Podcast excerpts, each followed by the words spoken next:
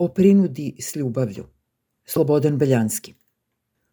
Pred nacrtom zakona o unutrašnjim poslovima kao da smo u središtu Singerove priče u kojoj šef policije udara od džačara po glavi ne bi li mu vratio vidovitost stečenu jednim padom na glavu, a drugim padom izgubljenu.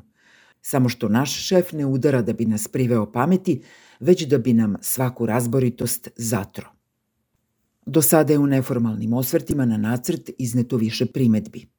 Odnosile su se pre svega na biometrijski nadzor i korišćenje softvera za prepoznavanje lica, na neustavno proširenje prava policije da bez naredbe suda uđe u stan i pregleda ga, na otvorenost za političke uticaje na operativni rad policije, na otežanu mogućnost identifikacije policijskih službenika i na način njihovog zapošljavanja. Primećeno je da predložena rešenja ne ispunjavaju naše obaveze u pristupnim pregovorima sa Evropskom unijom. Kritike su opravdane. Umesto da ih ponavljamo, pokušajmo da problem sagledamo iz drugog ugla. S formalnog aspekta nacrt je loše sistematizovan i sročen. Protivrečnosti, nepotrebna ponavljanja i nejasne formulacije uz otvorenu tendenciju da se građanima uskrati sigurnost i u privatnom i u javnom prostoru, navode na zaključak da je reč o neuspeloj mešavini pragmatičnih i dekorativnih normi, od kojih su prve prepune represivnih ovlašćenja prepuštenih slobodnoj proceni, a druge imaju za cilj da neupućene relaksiraju i da im na pretenciozan ali proziran način neproračunljivu primenu sile predstave kao humanu misiju prilagođenu dostojanstvu, ugledu i časti svakog lica. Član 60. Ali đavo je u detaljima – U ovom slučaju oni su odlučujući za suštinu zakona, njegov ton i smer.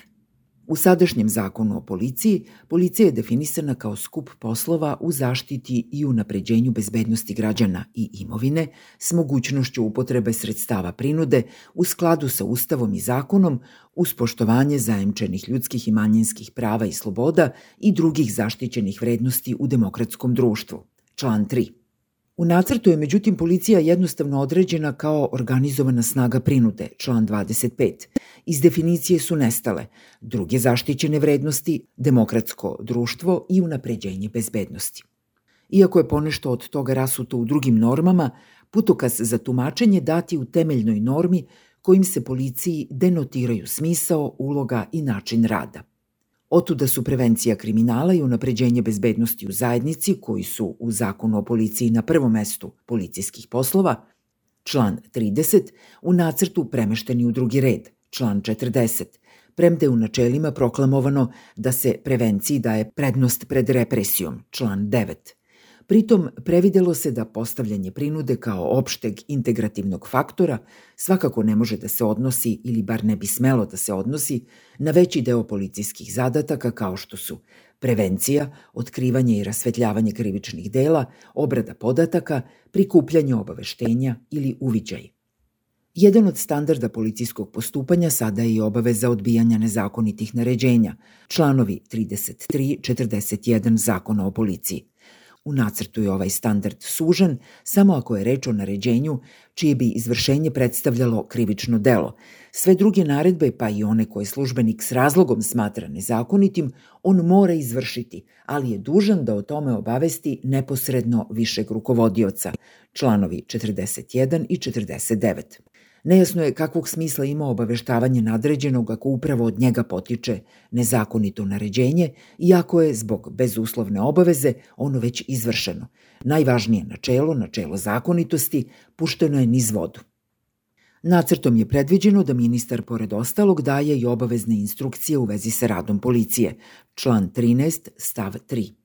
Sledi odredba da se to neće smatrati uticajem na operativnu nezavisnost policije, stav 4.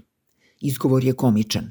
Jasno je da ministrova ovlašćenja potiru načelo profesionalizma i neutralnosti, koje uključuje i dužnost da se unutrašnji poslovi obavljaju bez političkih motiva, član 4.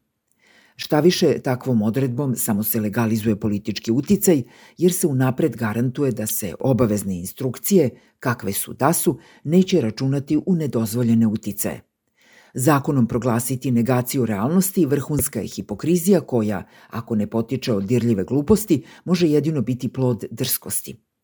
Ministar je politička figura, po pravilu nestručna za unutrašnje poslove, koja je, bar prema našem iskustvu, prononsirani partijski poltron sklon lakardijaškoj ekstravaganciji. Šta se sve u obaveznim instrukcijama od takvog i njemu pretpostavljenih može naći, nije teško zamisliti. U društvu naučenom da policiju smatra ispostavom partije na vlasti, imali bismo samo jednu crtu više na crnoj tabli totalitarizma. Ne smemo smetnuti suma činjenicu da je kod nas politički sistem ovladao pravnim sistemom i da preti opasnost da policija postane partijska, ako to već uveliko nije. Otuda ne čudi, mada jeste krajnje zabrinjavajuće, to što se pravo na ulazak u stan bez naredbe suda, van ustavnih i zakonskih okvira, zasniva tek na indicijama da se priprema krivično delo. Da stvar bude gora, osnov za takav ulazak predstavljalo bi i obezbeđivanje dokaza za pokretanje i vođenje krivičnog postupka, član 93. Pod takvim provizornim pokrićem policija bi mogla neselektivno i samovoljno da uđe u svaki stan – To što se pretres stana i lica naziva pregledom ne spasava stvar. Upotrebljeni eufemizam često može biti gori od pretresa.